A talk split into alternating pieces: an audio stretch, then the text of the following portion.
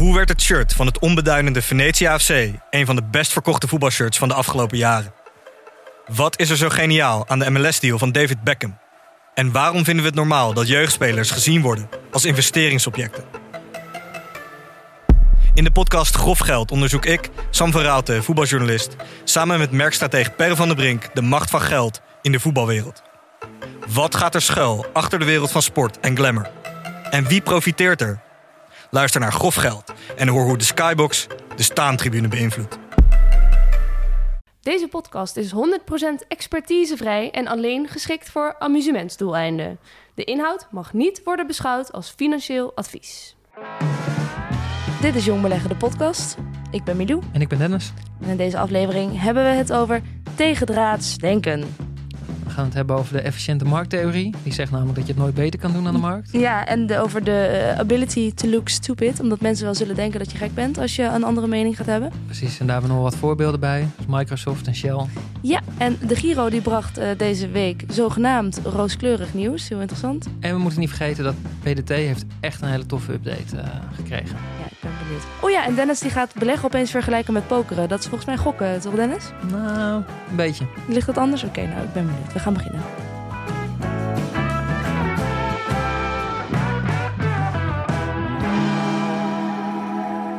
Oké, dus we gaan het hebben over contrair denken en handelen. Een van mijn favoriete onderwerpen. Dit pas ik in mijn leven dagelijks toe. Tenminste, dat probeer ik. Onafhankelijk te denken. Dat is best lastig. Ehm, maar dit gaat natuurlijk over beleggen. Wat, eh, wa- waarom is dit een eh, onderwerp dat goed bij jou past? En Waarom wil jij het specifiek behandelen? Nu jij hier zit, nog, deze komende twee weken. Precies. Ehm, nou, ik, ik denk dat het wel een van de nou, soort van cruciale onderdelen is om echt oud te performen. Ik denk dat als je ehm, het contrair denken, als je dat weg zou laten, als je dat niet zou doen, denk ik dat oud performen met beleggen gewoon echt heel erg lastig is. Misschien wel niet te doen zelfs. En dan bedoel je het beter doen dan eh, de markt? Ja. Hoe komt dat dan? Ja, en, en, en dat zit hem in eh, eh, de efficiënte markttheorie. Dat is wel een beetje het, het basisonderwerp waar het, waar het begint. Mhm. Theorie die, die gaat erover dat eh, alle informatie die beschikbaar is, gewoon publiek beschikbaar, dat die ook in de koersen verwerkt zit. Dus eh, ook op het moment dat er nieuwe informatie beschikbaar komt, wordt dat rechtstreeks verwerkt als het ware in de koersen. Dus informatie bijvoorbeeld over het management of over... eh, De markt, de, De economie, markt. rentes, winsten, verliezen, eh, gewoon alles Ja. wat beschikbaar is, verwerkt men in de koers, zou je kunnen zeggen. ja. Dus je krijgt altijd eigenlijk waar voor je geld. Omdat het altijd Precies. die prijs afhankelijk is ook van de informatie die iedereen heeft. Ja, de prijs, moment. het is altijd de juiste prijs. Alle informatie zit erin gebakken. Maar wij waardebeleggers, wij weten dat dat niet zo is natuurlijk. Eh, ja, alleen er zit natuurlijk wel een, een soort basis in. ehm, die stelt dat eigenlijk alles ook juist gewaardeerd is. En ja, dat zou het praktijk- bestaansrecht... Ja. nou, in, in praktijk zie je natuurlijk ook dat als je kijkt naar fondsmanagers, de meeste die verslaan de markt ook helemaal niet. En hetzelfde geldt voor particulieren. Ook die, de meeste verslaan de markt ook niet. Dus er zit ook nog wel, in praktijk zie je ook nog wel gewoon dat daar ehm nou, zekere waarheid in zit. Het is niet zo makkelijk. En de Dus, uitzondering. dus re- het klopt normaal gesproken redelijk goed. Die efficiënte markttheorie, dat is vaak ja, gewone beleggers die, die kunnen het niet makkelijk beter doen dan, eh, dan die juiste waarde sowieso die Nee, zit. en er zit een hele, hele brede wetenschappelijke basis onder. Dat is eh, Eugene Fama, dat is de grondlegger van, van deze theorie. Eh, die noemen ze de father of modern finance. Mhm. Heeft Nobelprijs gekregen en eh, nou, heeft talloze wetenschappelijke studies op zijn naam staan. Dat is een grote jongen. Is een, is een grote meneer in de eh, nou, beleggerswereld, de financiële wereld. Het is, het is, hè, er, wordt heel veel, er is heel veel eh, kritiek op. Hè? Want men zegt altijd van, nou, dat is niet waar, want hè, sommigen doen het beter. Er zijn natuurlijk ook best wel uitzonderingen hè, van, van een aantal beleggers die het echt wel lange tijd veel beter doen. En daarvan stelt dan weer die theorie van, ja, als er zoveel mensen beleggen, dan zullen er altijd periodes zijn waarin mensen het beter doen en slechter doen. Dat is niet per se kunde. Dat kan ook gewoon een beetje random zijn. Maar het is wel Geluk. bewijs toch aan zich dat die theorie niet klopt. Dat het niet altijd zo is dat het precies eh, klopt, de, de efficiënte markttheorie. Nee, als je het mij vraagt, denk ik, denk ik dat, dat dat het best mogelijk is om, daar, eh, eh, om het beter te doen. Ja, want als je het dus beter kan doen, en dat, dat doe jij met regelmaat, Mhm. dat betekent dat die, die theorie gewoon niet helemaal klopt. Maar waar zit die marge dan in? Hoe komt dat? Ja, die, die zit hem er precies in. Kijk, die koersen die verwerken natuurlijk wel degelijk alle informatie die beschikbaar is. En het is ook niet zo dat ik of anderen meer informatie hebben. Maar het zit hem er natuurlijk wel in, de gedachte van eh, de hele populatie of de hele menigte, die zit in de koers. Als jij de informatie anders interpreteert, of er anders naar kijkt, anders over denkt, iets ziet wat anderen niet zien, dan zit daar dus een gat tussen. Ja. En dus in zoverre klopt die theorie dat als je precies denkt, ziet en interpreteert wat anderen zien, dan krijg je ook wat anderen krijgen. En dat zijn gemiddelde rendementen. Ehm, als je op sommige punten anders ziet en je hebt gelijk, dan, ehm, dan zit daar eh, je outperformance. Ja, zeg maar. dus die, Ja. die efficiënte markttheorie die, die laat de psychologie Mhm. helemaal buiten wegen. En dat terwijl er zoveel psychologie bij betrokken is. Ja, zeker. Ja. Ja, ja, psychologie, maar ook, ook een andere analyse maken. Anders naar de feiten kijken, anders naar de informatie kijken. Je hebt met mensen te maken, niet met machines. Precies. Oké, en, Ja. en dit is dus waar dus de winst te behalen valt. Ja, en waarom, dat extra lastig is, is natuurlijk omdat ehm, in praktijk is het wel zo dat als dat de hele menigte het vaak wel bij het juiste eind heeft. Het is niet zo dat contraire denkers, die hebben het meestal gewoon fout. Meest, het, het is, het is vrij logisch dat natuurlijk eh, eh, de grote groep het bij het juiste eind heeft. Dat is een, dat is een vrij logische gedachte. Oké. Is het dan, eh, als, je, als je naar risicomanagement gaat kijken, Mhm. Is het dan wel slim om aan contrair denken te doen? Over het algemeen, als je ervan uitgaat dat het meestal fout is. Ja, volgens mij zit hij er ook in dat je maar ook niet standaard een soort van contraire pet op moet hebben. Van, eh, dat je overal maar anders naar wil kijken of overal maar contrair moet willen denken. Ehm, Maar je moet het wel proberen, toch? Ja, maar dat heeft volgens mij meer te maken met het feit dat je eh, je onafhankelijke eh, brein aanzet, als het ware. Of dat je onafhankelijk kan denken. En dat je dus alles wat op je pad komt aan informatie of analyses, dat je de vragen bij stelt. Dat je niet zomaar alles voor waar aanneemt. Ja. Oké, dus dit, hoe doe jij dit in het dagelijks leven als belegger? Ben jij voortdurend wel jezelf aan het aansporen om even contrair te beleggen? Wat is je, wat is je tactiek? Ja, wat er, wat er eigenlijk gebeurt, is op het moment dat ik gewoon me ergens in verdiep, of ik, ik ben iets aan het lezen, of het nou over aandelen gaat of gewoon algemeen nieuws. En in mijn brein gebeurt een soort dat ik denk, huh, de hele kan toch niet, of klopt dit wel? Of ik, ik ga me die vragen stellen. En op het moment dat dat gebeurt, dan heb ik blijkbaar iets anders in mijn hoofd. Het hoeft niet gelijk waar te zijn, maar blijkbaar is er iets wat mij triggert dat ik denk van, nou, ik weet niet of dit wel helemaal klopt. Dat is voor jou een signaal. Ja, van hé, hey, misschien zie ik het anders. Ja, en dan, dan is het natuurlijk nog wel even doorgraven en zoeken. Eh, het is natuurlijk iets anders zien, dat is één. Ehm, maar het, punt twee, minstens zo belangrijk, is dat het vervolgens ook klopt. Het moet Ja. juist eh, blijken te zijn, achteraf. Je weet niet van tevoren, maar Ja, ja. Ja, dus er zijn eigenlijk er zijn twee regels als je succesvol tegen de raads wil denken. mhm, Namelijk, je, nou ja, je moet eerst const- kunnen constateren, je ziet iets anders. mhm. En daarna moet je dus gelijk hebben. Ja. Is Ja. het ook wel eens in de praktijk voorgekomen? Ja, want ik weet, je, je presteert gemiddeld ehm, ruim boven de markt. mhm. Gebeurt het ook wel eens dat, dat je ongelijk hebt met het contrair denken? Is daar een voorbeeld van?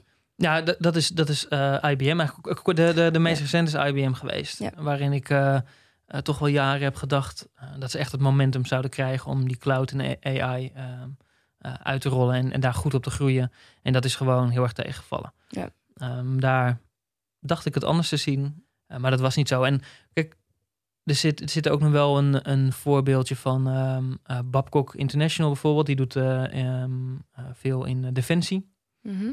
Vooral in Groot-Brittannië. Uh, en die hadden plan ook om internationaal uit te rollen. En dat leek een heel goed en logisch verhaal. En daar had ik ook wel vertrouwen in. En daar ook mijn groei op gebaseerd. Maar was jij de enige die dat zag? Nou, niet de enige, maar wel uh, de, nou, de enige weet ik niet. Maar in ieder geval, ik was in de minderheid qua gedachte van dat ze dat goed en efficiënt konden uitrollen. Ja. En daar lag gewoon inderdaad het probleem. Dat lukte niet. Het was ook gewaardeerd alsof het gewoon uh, het een beetje bij de huidige markt uh, hield. En ik had daar wel een groeiscenario in mijn hoofd. Nou, Ja. dat bleek niet zo te zijn. Ja.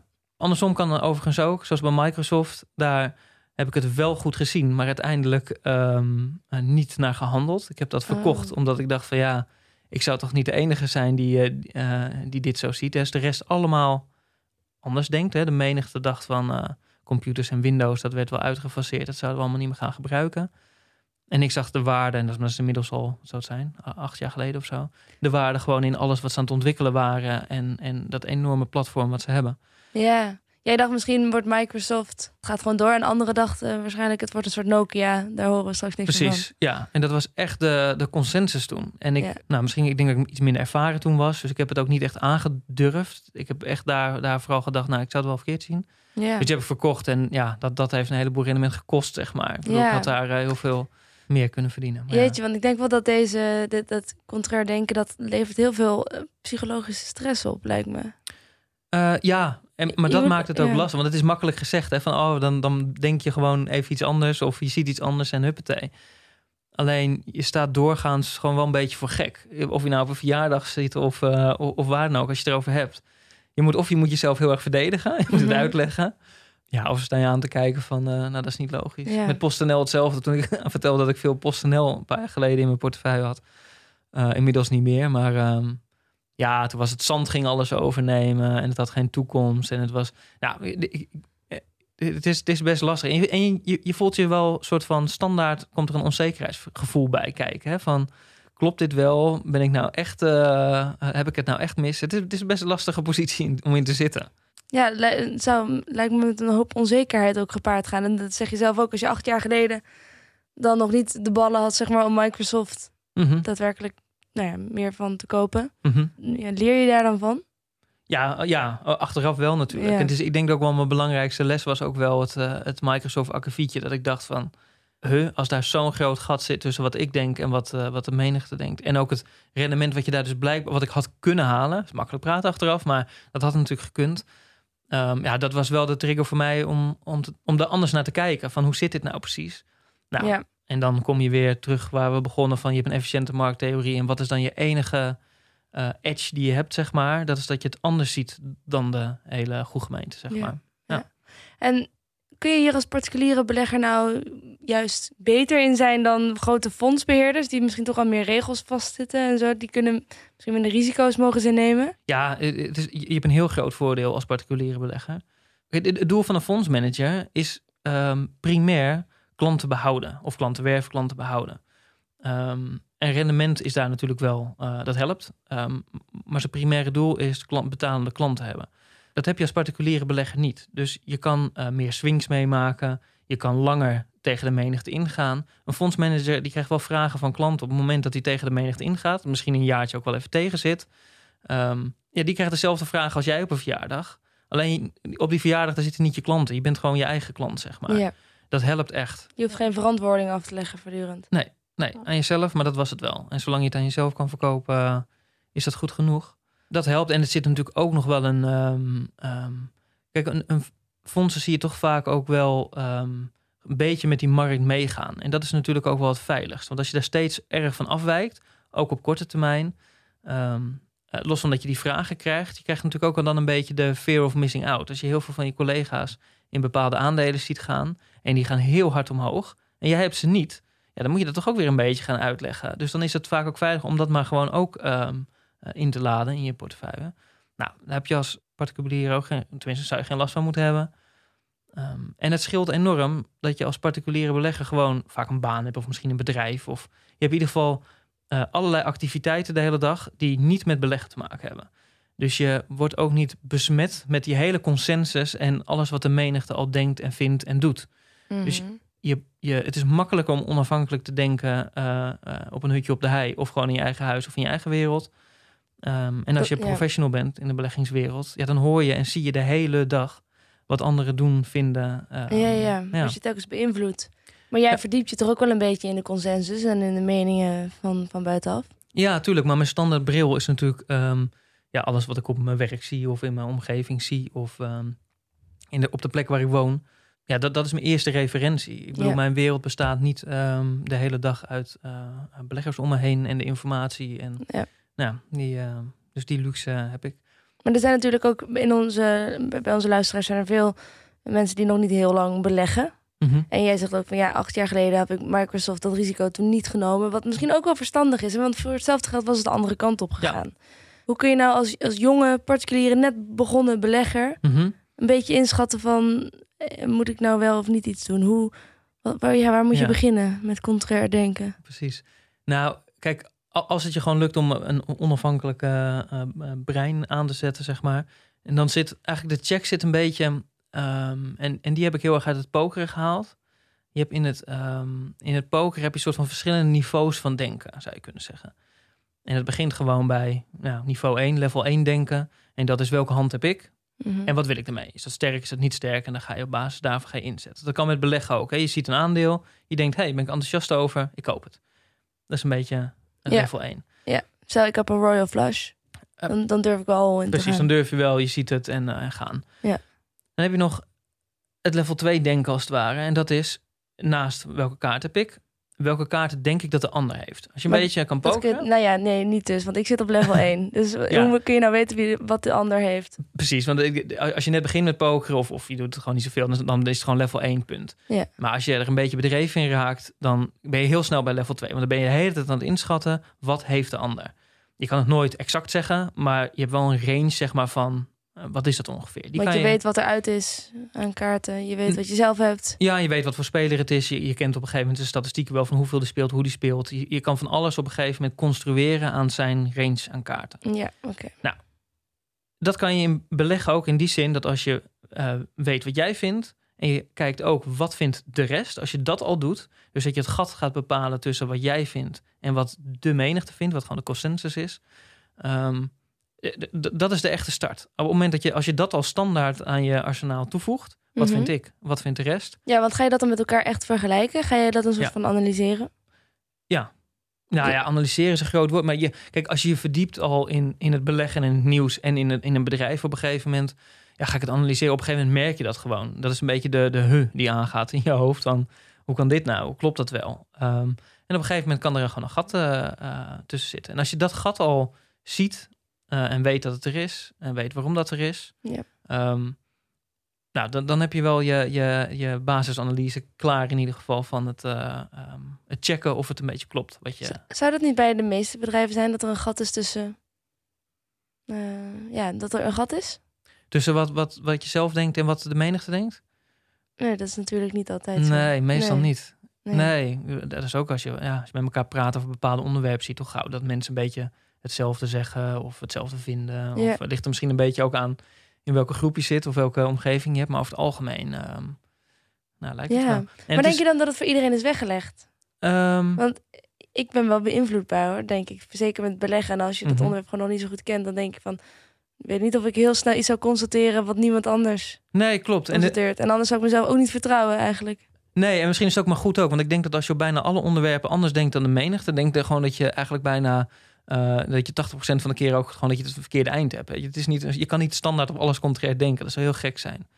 Ehm, dus het is ook lastig. Je, komt het ook niet, je kan ook niet je hele portefeuille vullen met, met 20, 30 bedrijven waarbij je allemaal contrair denkt.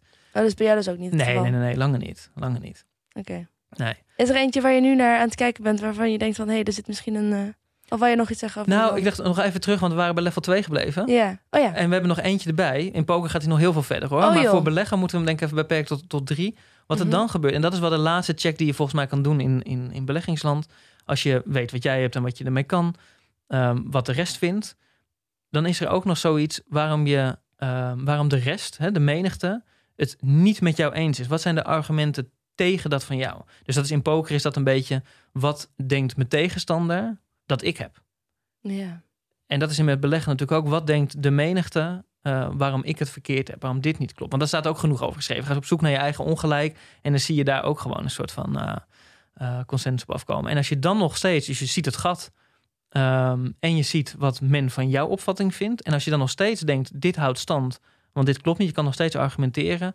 Ja, dan heb je geen zekerheid dat je gelijk hebt. Maar dan heb je wel echt een, eh, heb je wel iets te pakken, zeg maar, wat, wat op zijn minst hout snijdt. Ja. Ik vind het wel leuk dat we de wereld van het beleggen... wat wij toch eh, altijd beargumenteren dat het geen gokken is... nu toch even gaan vergelijken met de wereld van het gokken. Of is poker ook geen gokken? Ja, poker is wel gokken, maar het is geen geluksspel. Dat is een beetje, eh, ja, maar goed, dat is een andere discussie. Maar als je, Ja, ja. poker heeft heel veel met behendigheid te maken.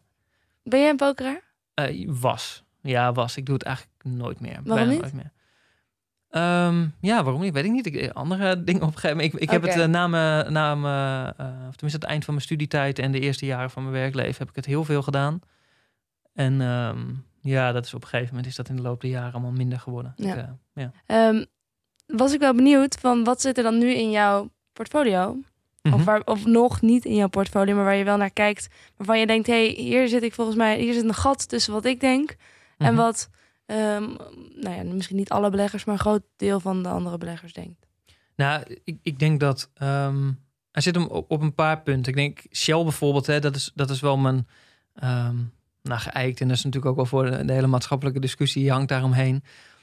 Ik geloof heel erg dat Shell en de andere van eh, de vergelijkbare grote partijen dat dat de partijen zijn die die hele energietransitie kunnen en gaan vormgeven. Ik denk dat die daar uiteindelijk gewoon grote spelers in Mhm. worden over Ja. een aantal jaar. Ehm, Ja, en- denk je dat, eh, want dat vraag ik me wel af, want ik weet dat de samenleving nu dus wel mm, vrij tegen Shell is, want fossiel en slecht en Mhm. moet je nooit van je leven in willen eh, investeren. Nee. Maar hoe denkt de beleggerswereld daarover? Want ik denk dat zij ook wel inzien dat je een soort van, ja, toch een soort slecht jongetje van de klas misschien. Ja, die kijken er ook zo naar. Ook, ook grote Ja? ehm, eh, pensioenfondsen die gaan eruit. Eh, in Nederland, ja, ook in het buitenland. zo. Ja. Ja, dus dit, beleggers willen er ook niet graag in zitten. Dus daar zit, zit wel wat, wat tegenstrijdigheid. En alleen wat ik me daar dan ook heel erg afvraag... hè, want die mensen die, die gaan er wel uit. Maar als ik bij de pomp sta... dan staan die mensen ook gewoon benzine te tanken. Dat doen ze ook gewoon bij de Shell. En vervolgens kan je bij de Shell kan je, je CO2 compenseren. Dat doen ze dan niet. Ja. Maar je belegt er niet in. Dus er zitten wel heel Eigenlijk veel... zijn zij heel tegenstrijdig aan het denken. Ehm, nou ja, ik, ik zie gewoon. Ik, ik, ik, ik spreek te vaak beleggers ook die, die heel erg anti-Shell zijn, bijvoorbeeld anti-olie, anti, nou, noem maar, maar op. En dan kijk ik naar wat ze in het dagelijks leven doen. En dan denk ik, ja, dat, dat moet dan ook gaan matchen, zeg maar. Hè? Ja. Dat is een beetje een gekke. ehm, eh, niet 1 cent per liter bij willen betalen om je CO2 te compenseren. Eh, niet elektrisch rijden, ja, maar wel dat, dat, zit, rijden. dat zit er ook in dat er dat en dat heb ik ook wel een soort Mhm. wantrouwen tegen. Ja, wat kan 1 cent bij de pomp extra betalen of weet ik veel hoeveel cent? Ja. Eh, wat maakt? Hoe kun je nou deze je vieze business eh, compenseren? Hoe kan dat nou? Klopt, en dus, is- waarschijnlijk is het, het is nog niet eens één op één. is ook maar lastig meetbaar maken. Dus ik snap de hele discussie erom. Maar is dat een reden om het niet te doen? Al is het maar iets. Weet je, het, eh, als je iets kan doen, moet je het doen, denk ik. En als Nou, ik ik één dat een cent soort greenwashing van je eigen gevoelens, eerlijk gezegd. Maar ik vind dat, dat je dan niet zou moeten tanken als je zo tegen Shell bent. Nee, precies. Nee, maar, Ja, nee, maar dat is ook dat mijn wel. punt, zeg maar. Dus Ja. ik, ben, ik ben niet tegen ehm, tanken, zeg maar. Als je naar je werk moet en je rijdt toevallig in een benzineauto, ja. Ehm, Ja, toevallig wel. eh, ja, ik kijk dan de mensen bij Shell niet boos aan die daar staan te tanken. Maar ehm, Dat zou leuk zijn. Modder gooien naar de mensen die aan het tanken ja, zijn. precies. Ja. Nee, dus, en ik geloof, en als ik dan volgens naar de waardering kijk, als ik Shell zie als, als een bedrijf dat over 10, 20, 30 jaar eh, groot wordt in de clean energy, in, eh, in, in, in dat hele gebied, en naar de waardering, dan matcht dat niet. Ehm, als je denkt dat, dat Shell traditioneel blijft, niet ehm, het kan oppikken, die hele ehm, eh, transitie, ja, dan snap ik de waardering wel, maar daar kijk ik anders naar. En als je dat vergelijkt met wat, welke waarderingen er zitten op die echte die pure clean energy bedrijven, ja, dat is enorm. Daar moet nog zoveel gebeuren. En dan vraag ik me af of Shell en andere grote eh, vergelijkbare bedrijven het daar niet gewoon veel makkelijker hebben en veel meer voor elkaar kunnen krijgen. Mhm. Hoe gaat het nu eigenlijk, eh, nu we het toch over Shell hebben? Ben ik Mhm. wel even benieuwd. Hoe gaat het met Shell nu ze hebben gezegd, we gaan naar Groot-Brittannië?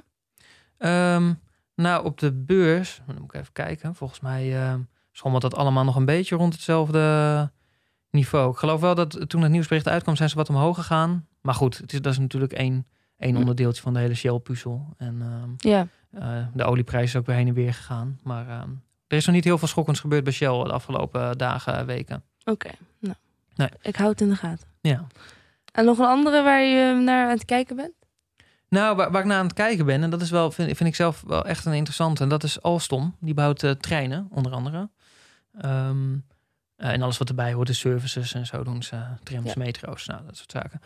Ehm, die is enorm gekelderd afgelopen, wat is het, jaar, anderhalf jaar. Die hebben een overname gedaan, dus dat best wel een hoop eh, shit in eh, dat bedrijf. Dat hebben ze moeten eh, oppoetsen. Wat zat erin dan? Ehm, nou, die, die projecten, ze hebben, ik, ik geloof iets van anderhalf miljard extra in die projecten die daar liepen, hebben ze extra in moeten om dat allemaal recht te trekken en weer op, de, op orde te krijgen. Dat er op tijd geleverd werd en, en met de juiste kwaliteit.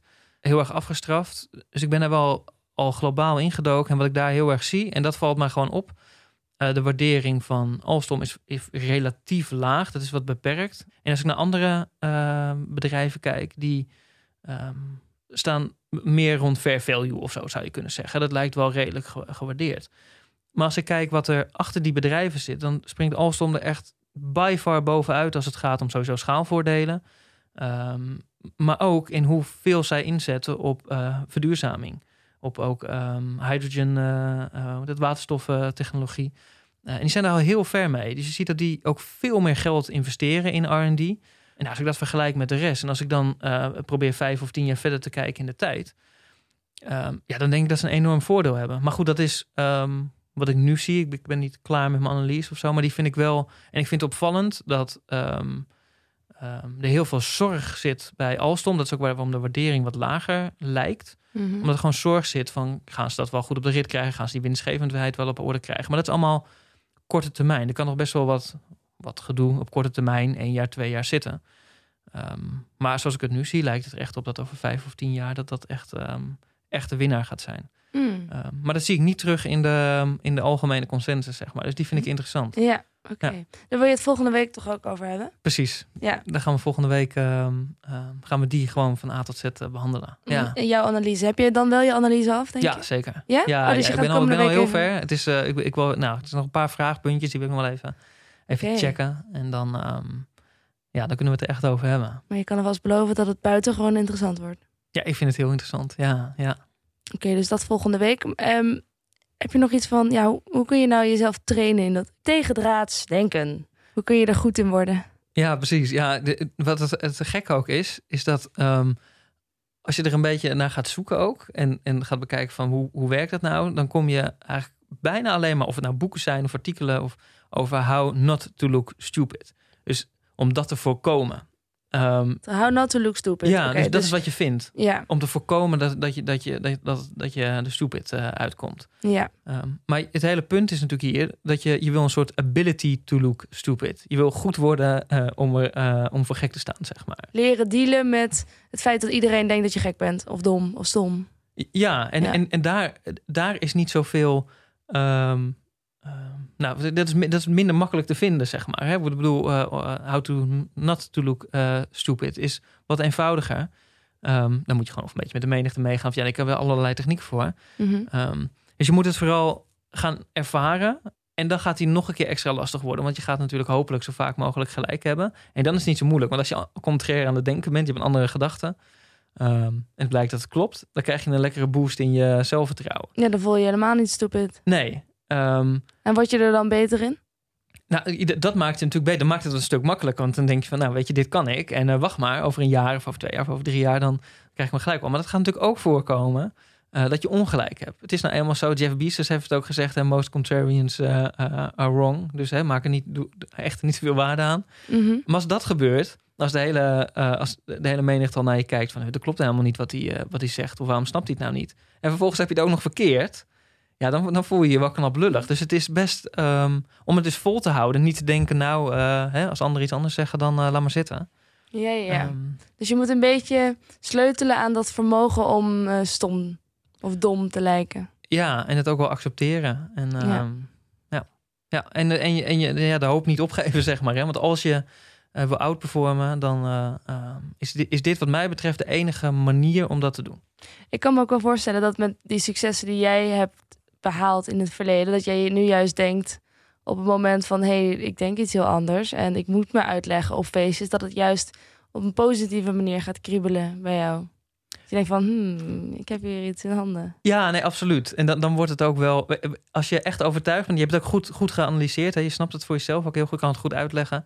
Ehm, het zijn wel de leukere gesprekken, zeg Ja. maar. Ehm, Dus je... ehm, ja, dat helpt. Het wordt er interessanter van. Ja. Het leven wordt een beetje interessanter als je een andere eh, denkwijze hebt. zeg Ja, en als je goed geïnformeerd bent eh, daarover, eh, dat, Ja. dat kan ik me helemaal voorstellen.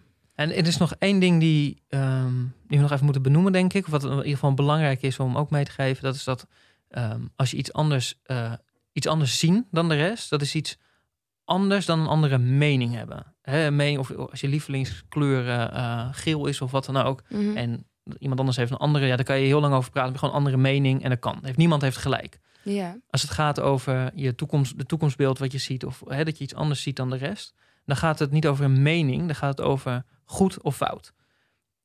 Dat weet je pas achteraf. ja, Ehm, maar dat is het wel. Als het niet een, een uitspraak is of een gedachte die goed of fout kan zijn, die klopt of niet klopt, ehm, dan is het niet anders denken. Dan, dan gaat het richting andere mening. En dat is in ieder geval voor het beleggen wel een belangrijk ehm, onderscheid. Hè, ik Ja. bedoel, je kan allerlei politieke afwegingen hebben, ook met, met Shell en met olie en, en nou, noem maar op. Ehm, maar het gaat over Feiten, juist ja. in feite en eh, objectief kijken. Ja. Ja. nog een tip voor de luisteraar waar hij zich even in kan verdiepen? Om zich dit vak eigen te maken? Ja, wat, ehm, wat wel echt een goed boek is. En het gaat niet over beleggen, maar het is, het is heel waardevol, heel leerzaam. Ehm, en die, die haakt ook heel erg in over, over dat, dat objectief kijken. Dat is um, um, The Obstacle is the Way. Mhm. Die is van Ryan Holiday. En wat hij eigenlijk ehm, eh, doet, hij gaat de bekende contraire denkers, zeg maar, eh, gaat hij een beetje langs. En daar In de vertelt geschiedenis. ja, in, in de geschiedenis. En wat hij eigenlijk stelt is van ja, die mensen die hadden niet heel veel geluk of heel veel kennis of heel veel kunde. Wat die allemaal gemeen hadden, is dat ze anders keken naar perceptie. Dus perceptie van, van jou als mens. Dus ze kijken anders naar alles wat gebeurt. Eh, ze maken het objectiever. Hè, als- Mm. wat ze een beetje zeggen, hè, met, met de, de perceiving eye is weak en eh, de observing eye is strong.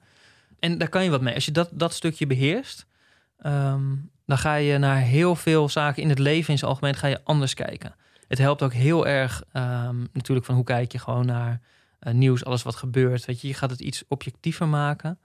Ehm, maar los daarvan, het is, ehm, eh, het is sowieso voor je leven is het een mooi boek, omdat het heel erg gaat over alle obstakels die je tegenkomt. Ehm, het is een beetje van what stands in the way becomes the way. En nou, ja, ja. alle obstakels die zijn, eh, als ze er zijn, ga je ermee om en is dat een nieuwe weg. ja. Eh, het is een mooi Ja. boek en leuk om te lezen. Er zijn hele leuke voorbeelden in van echt een beetje de grote der aarde. En Wie hoe zijn dat zij- dan bijvoorbeeld? Nou, er staat van alles in over Rockefeller. Ja. Ehm, en, Wie is dat ook ehm, weer? Dus de, de ehm, van Standard Oil. Die is in, nou, ergens in 1800 zoveel eh, begonnen met het eh, imperium opbouwen. Ja. Ehm, dat zit wel wat dichter bij beleggen. Wat hij eigenlijk het hele leven heel erg heeft gedaan, is juist heel erg profiteren en sterker uit een crisis komen of economische ellende. Omdat hij daar niet meeging in eh, nou, eh, alle, alle paniek, maar Ja. heel erg eh, zijn rust eh, behield. Maar ja, goed, je krijgt ook natuurlijk van Apple ehm, eh, Steve Jobs, ehm, eh, die komt natuurlijk langs. Je hebt nog eh, acteurs, ehm, nou, van alles. Ja, ja, oké. En filosofen ook. Hoe die naar dingen kijkt, is een beetje op het stoïcisme gebaseerd. Ja, The Obstacle is the Way is dus de titel. De ondertitel is The Ancient Art of Turning Adversity to Advantage. Ja. Ja. Ja, dus dat wat tegen zit, kan in je voordeel gaan werken. Ja. Ja, ja. en het klinkt allemaal een beetje zweverig, maar het is heel, het is heel tof geschreven. Ja, het is echt leuk. Klinkt leuk. Die kan op het nachtkastje, jongens. Zeker, ja. Gaan we naar eh, de Portfolio Dividend Tracker update. Ik begrijp dat jij inside information hebt gekregen van een zekere Pim Verlaan. Yes. Ja, er is een update en die is echt heel groot. Die is echt heel erg tof. Oh, wat dan? Er is een, eh, een nou, ik, denk, ik denk wel de meest gewilde functionaliteit die is wel eh, toegevoegd. Namelijk. En dat is namelijk dat je inzicht in je performance kan hebben in een grafiek. Dus visueel heb je inzicht in je performance over een bepaalde tijd. Dus je kan zelf je periode selecteren. eh year to date bijvoorbeeld, of je hele periode. Ja, Ehm, net zoals ik in mijn Giro-app kan kijken naar wat de performance van een aandeel is. Kan ik een performance krijgen van mijn eigen. Van al je eigen holdings. Dus je, en, van je totale portefeuille. Dus je ziet ehm, eh, wat de waardegroei kan je, eh, kan je zien. Wat je geïnvesteerd hebt en ehm, wat het nu waard is in je Ja. eigen gekozen periode. Ook daar zie je, eh, je kan hem ook eh, selecteren op je ontvangen dividend. Op de kosten die je gemaakt hebt. eh, en de transactiekosten of vaste kosten, dat onderscheid. En hoeveel winst je hebt gemaakt natuurlijk. Waar het uiteindelijk ook nog ergens over gaat. Ja, en dit is, dit is eentje die natuurlijk heel, heel veel inzicht biedt. Ehm, eh, het is leuk om te volgen. Het geeft je mooi, mooi inzicht. Ehm, Ja, het is vooral voor iedereen nu heel leuk om dit te zien, denk ik. Omdat het gewoon één grote stijgende lijn is waarschijnlijk. voor de afgelopen precies. jaren. Kan elke dag kan je mooi naar je stijgende grafiek eh, Ja. kijken. Ehm, maar je, je- ja, je kan ook zien hoe je het in eh, bepaalde periodes hebt gedaan en of dat, eh, hoe dat liep.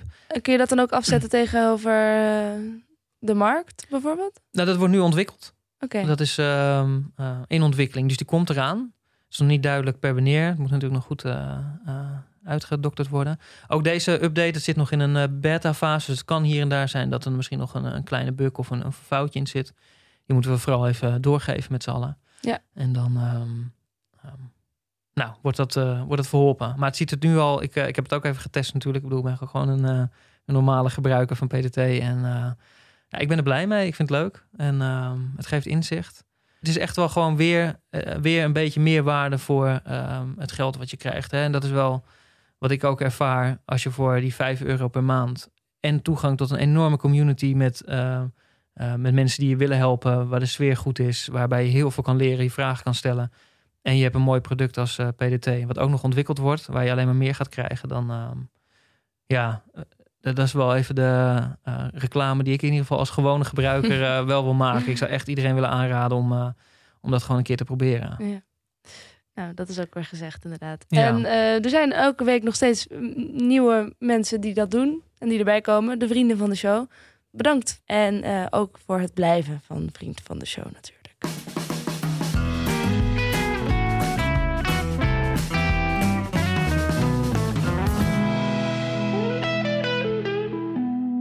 Dennis, je had wat nieuws wat je wilde bespreken. En dat gaat eh, over de Giro. Ja, ja de Giro die kwam met eh, het nieuws dat ze eh, beleggen zonder commissie eh, hadden ingevoerd.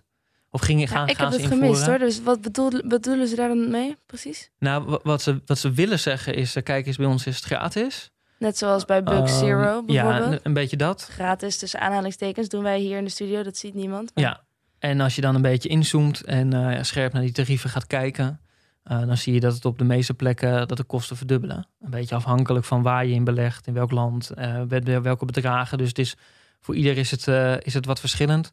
Als je naar de show notes gaat, is dat er ook een linkje naar een, een, een artikel waarin ze dat wat, wat uiteenzetten, wat dat nou betekent per ehm, ehm, nou, apart voorbeeld, zeg maar. Mhm.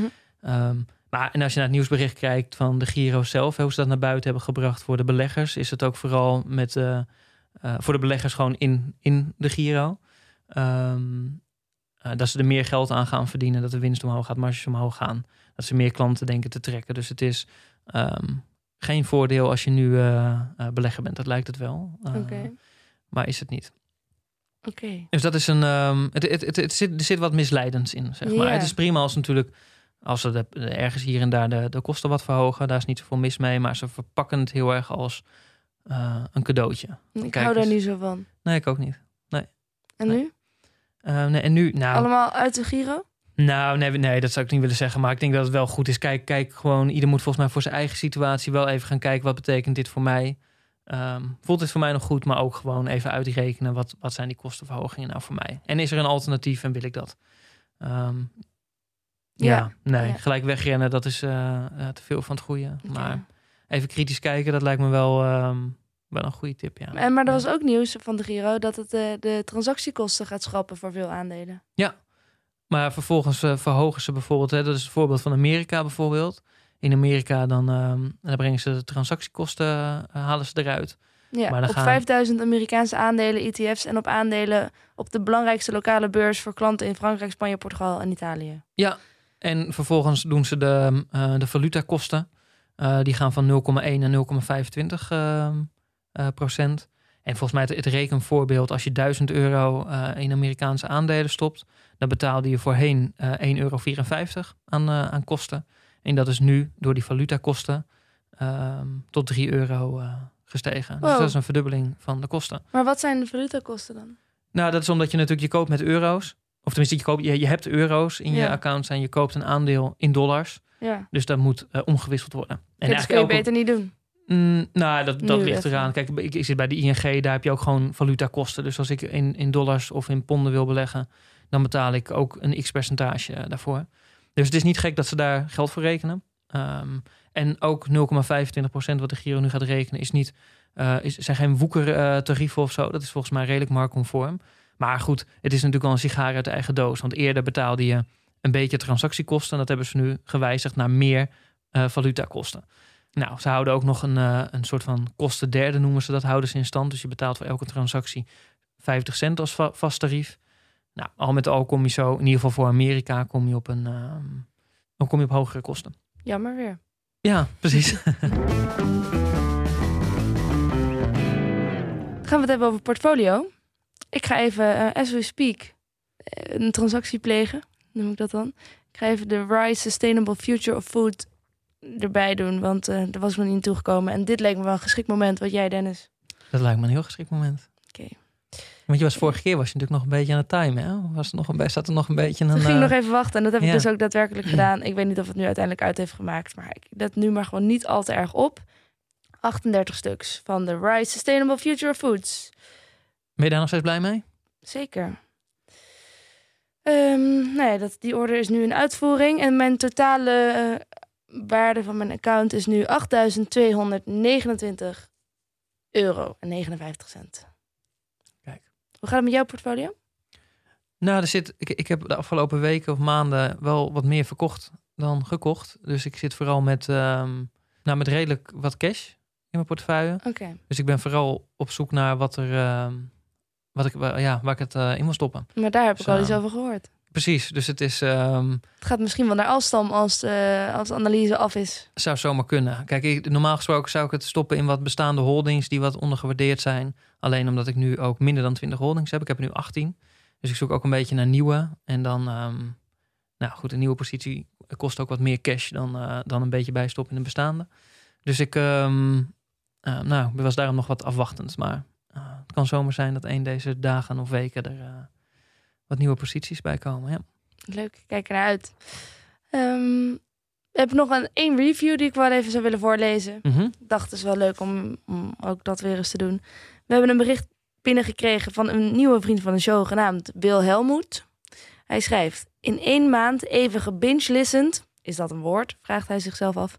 Eh, vind ik wel, als binge-watchen ook een woord is, dan mag binge-listenen ook. Anders voegen we hem gewoon toe. Precies.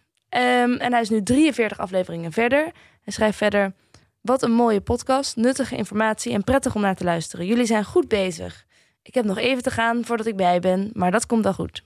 Net begonnen met beleggen. Nou, Wilhelmoet, wat leuk dat je, dat je meedoet.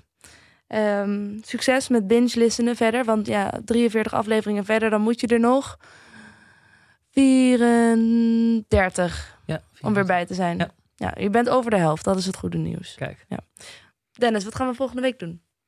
Nou ja, dat weten we dat natuurlijk. weet wel. Ja, We gaan het over Alstom hebben. We gaan eigenlijk gewoon de, de fundamentele analyse, zoals we die ehm, in aflevering 61 tot 64 hebben besproken, die gaan we eigenlijk over eh, eh, Alstom leggen. Van een concreet eh, verhaal gaat het dan worden. Ja. En daarna gaat iedereen een Alstom beleggen. Zo gaat hij weer wel omhoog. Heel ligt eraan slim, wat de- Dennis. Ligt eraan wat de conclusie is. Ja. Ja, goed. Oké, nou, ik ben benieuwd. Dan eh, in de tussentijd, jongens. Investeer in je kennis. En beleg met beleid.